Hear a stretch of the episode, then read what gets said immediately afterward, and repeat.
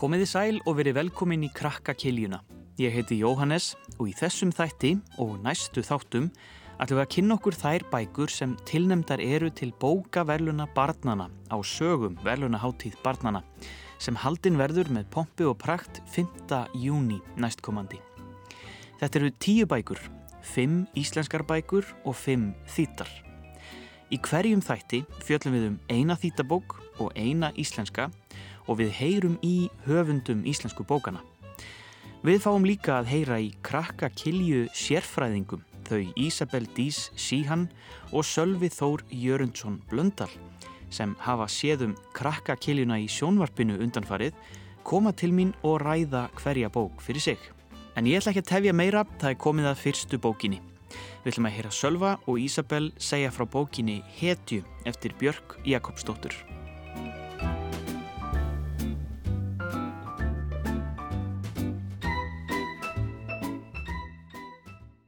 Sko þessi saga er að það er svolítið skrítið að lesa svona því þú ert bókin er reyðilega skýttitend þú ert að horfa á veröldinni gegnum auðvitað hestunds og mannesku Já, eða um, hetja er sem sagt hestur, en manneskjan er, eigandinn hans eiginlega. já, er Já. Mm. líka svona, það eru tvær aðalpersonur en það eru sitt hvort dýrið. Já, og þetta er alveg bara um, um að hetja týnist einn daginn og þau vita bara ekkert hvert hún fór. Um, þetta er bara um að hérna hetja á Björg sem er eigandinn hennar, sem er 15 ára stelpa. Bara að þau reyna að finna hvort annað og já, þetta er mjög falleg saga. Er Já. þetta í hestafólk? Nei, Sko, ég er alveg svolítið mikil hestamannskja. Já. er frænka mín á eitthvað svona hesta Já.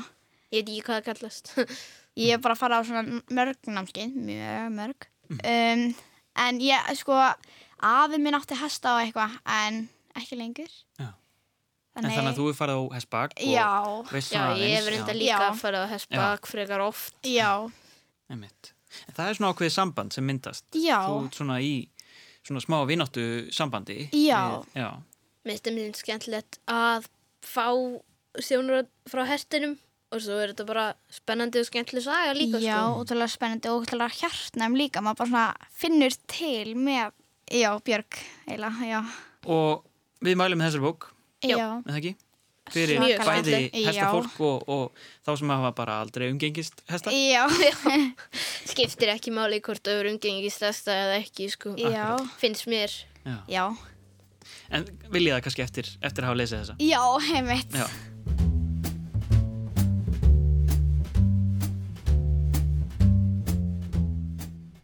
Við erum að fjalla um bókina Hetja og hjá mér er höfundur bókarinnar, Björk Jakobsdóttir, verður velkomin. Takk fyrir, kærlega.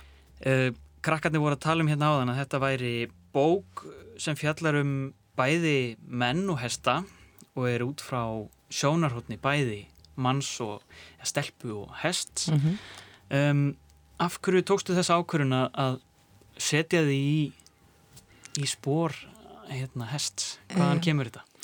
Já, þetta kemur sko þannig oft talað um það að maður eiga að skrifa um eitthvað sem maður þekkir og ég þekki mjög vel til hesta og hef átt bara eiginlega frá batnensku svolítið auðvöld með að setja mig í spór hestins. Það er, ég er kannski ekki mikið manneski sem er að keppa mikið á hestum og, og er ekkit svona mikið í, í þeim geiranum en ég er um, gæti hestaferðum á sömrin og búin að vera í sveit síðan ég var krakki, var nú í sveit í Vastal og þar kynntist maður fyrst hestum og ég hef umgengist, ég á átta hesta sjálf og ég hef mikið verið innan um það svona, mm, hvað, hvað maður að segja, stóðmennsku. Eða skilur, að, að svolítið að ríða með stóði, verið í kringum stóð og, og, og hefur alltaf fundist heillandi þessi heimur hestana, hvernig þeir tala saman og það er aðeins öðruvísi heldur en við mennir tölum saman og maður þarf svolítið að læra þeirra mál og mér langaði að, að já, nýta mér þá þekkingu og, og þá verður líka og líka reyna að, að sko þá verður að því skeppnan er ekki manneskja hún skilur hlutina öðruvísi, það er ekki hægt að segja að, að hestur hugsi til dæmis, hann, hann, hann finnur hluti, hann, hann, það, tilfanningarnar skjótast um kroppin þeir eru flóttadýr. Og, og með því að, að og þau til dæmis lýsa ekki, þeir myndi aldrei segja veist, bláegður veist, stór maður veist, hvernig, hvernig sjá þau heiminn? Þau þekkja, þau lesa heiminn eins og þau sjá hann, þau sjá girðingastaura rullubagga, þannig að menn líkjast einhverju sem að þeir þekkja. Og þess vegna fannst mér það kannski verðmætt og, og, og kannski leiðinni að, að aðeins að útskýra þetta tungum og lestana fyrir mannfólkinu sem kannski hjálpar þá þeim sem að umgangast hesta næst. Þegar þeir hitta hesta að vita pínulítið, já, hann hugsa aðeins meira svona. Já, setja sig í spór. setja sér í spór annara. Þetta er svona alveg eins og við setjum okkur í spór uh, barna frá ólíkum heimshornum. Þá getum við líka sett okkur í, í, í, í spór, veist, annara dýrategunda. Já, Veist, af því öll erum við, hugsum við og finnum til á mismunandi máta. já.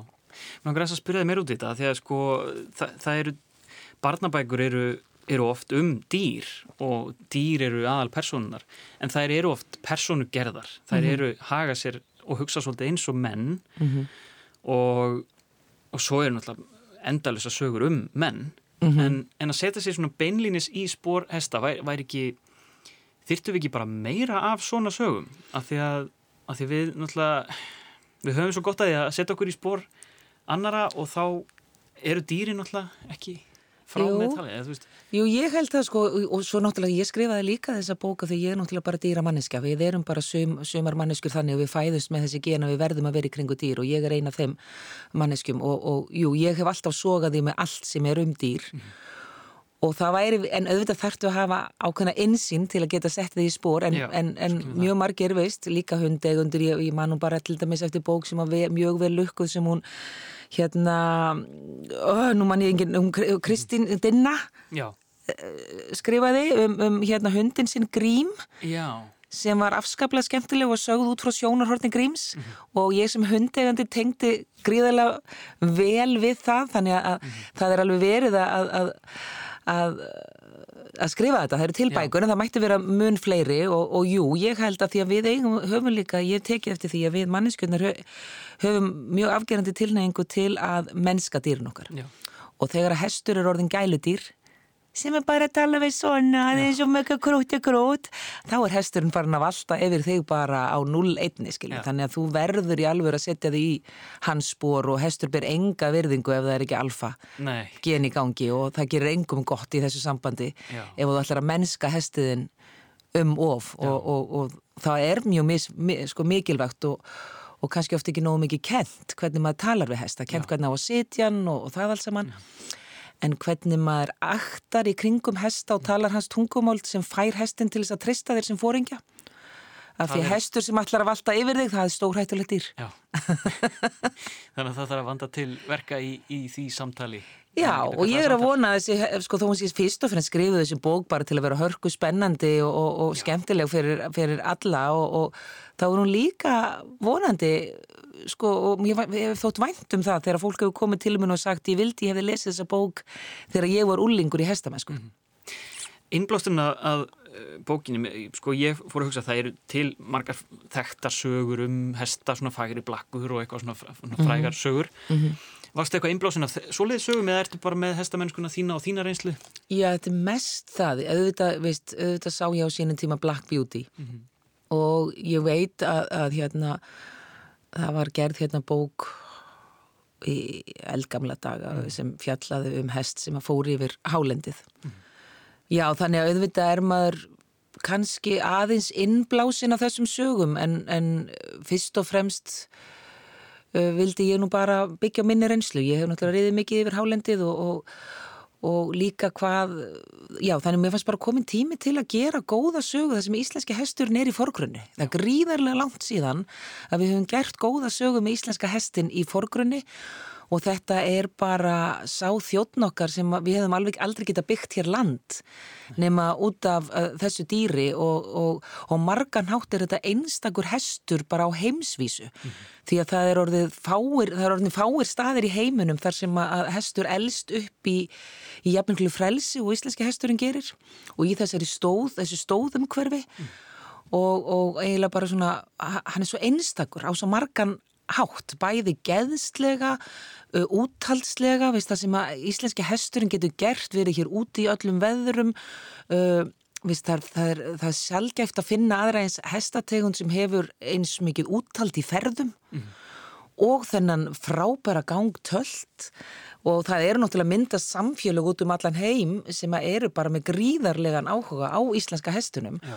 og það er ekki bara völdun á Íslandi fyrir eh, bókum þetta einstaka, þessa einstöku dýrategund eins og íslenski hesturinn er heldur, veist, í Þískalandi, í Svíþjóð, í Danmörku, það er strax komin bara núna hvenær getur við fengið þessa bók þýtta því að það eru samfélög þarna úti sem bara elska íslenska hestin. Já. Og nú er bara loksins komin bók þar sem þau geta lesið, Já. þar sem þessi söguhetja, því að það eru ótrúlega margir þjóðverjar og, og, og þýskir úlingar sem eiga íslenska hesta. Já. Því að þetta er vinsalisti fjölskylduhesturinn í Þýskalandi. Ég held að þetta sé næst mest seldi hesturinn og eftir arabíska hesturinn í Þýskalandi. Já. Segi ég svona aðeins að taka alveg fulla ábyrð á því.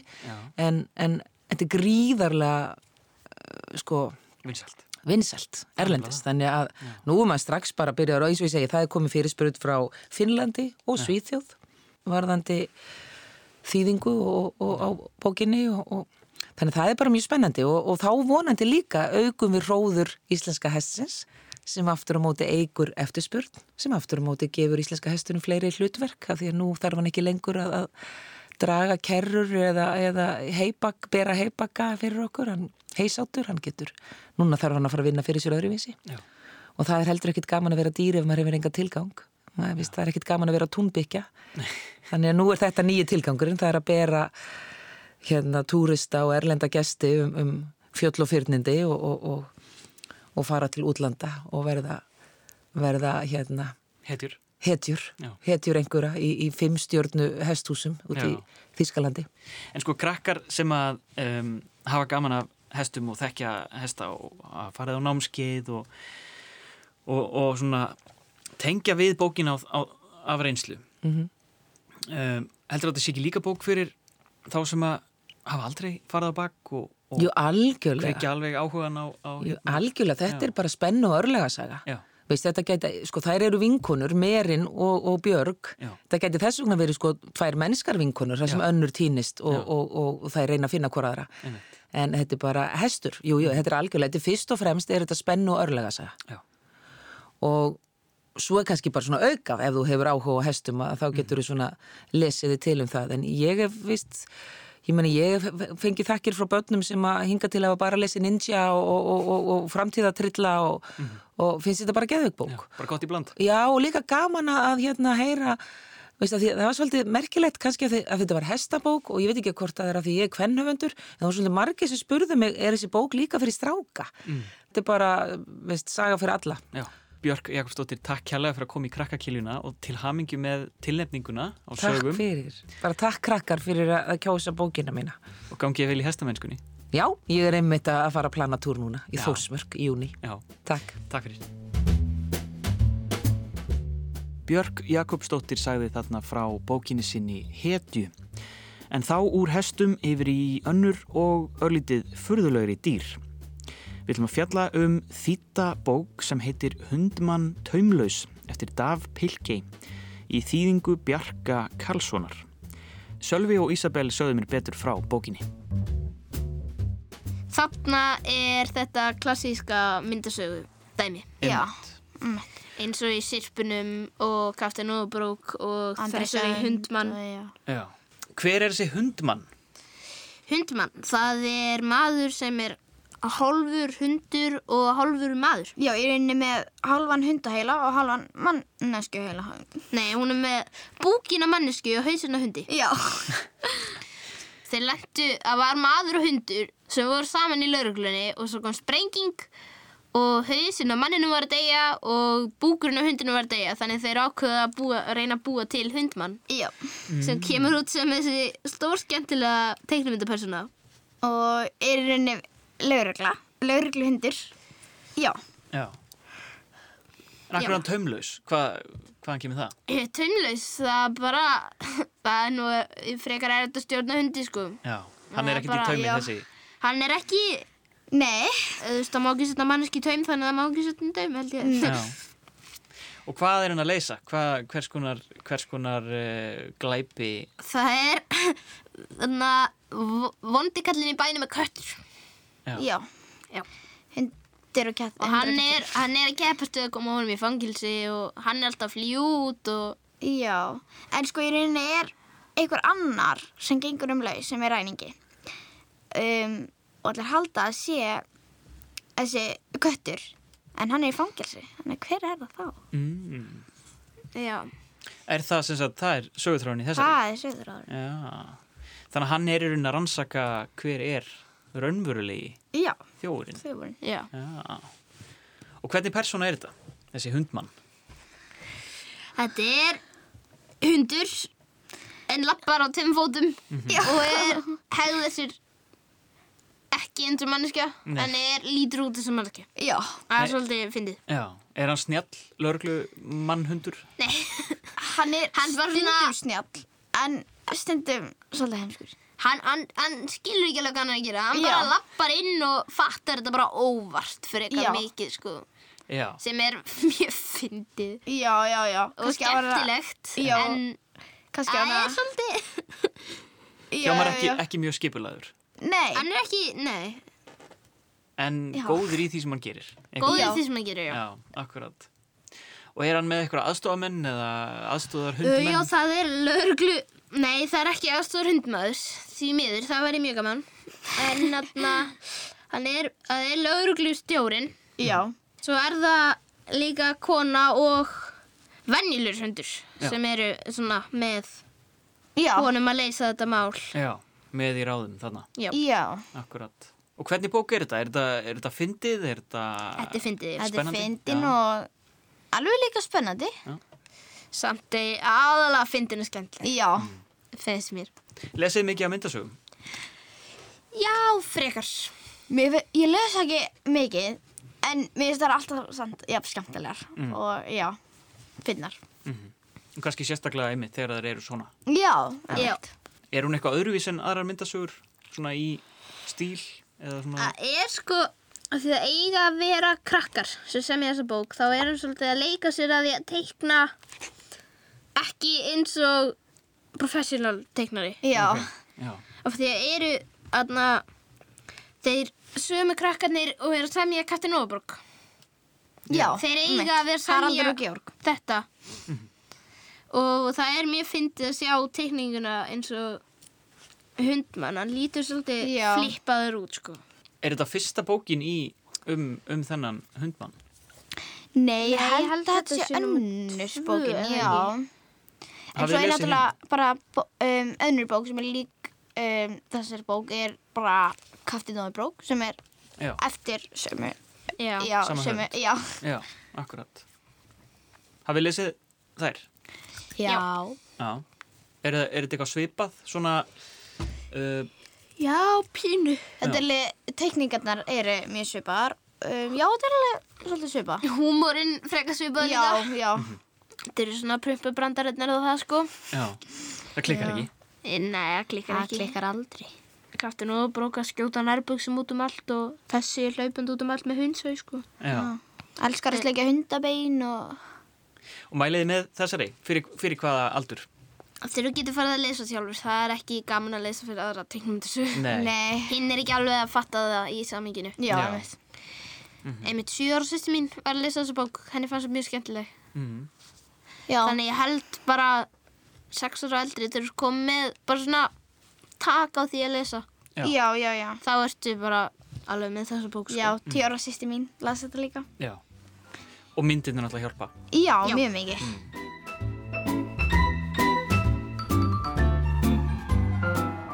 Þá er þessi krakkakilja á enda. Við erum búin að fjalla um tvær bækur sem tilnemdar eru til bókaveluna barnana á sögum velunaháttíð barnana.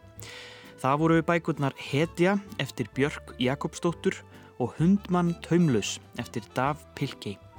Við heyrumst aftur í næstu viku þar sem við fjöllum um fleiri tilnemdar bækur og heyrum í höfundi.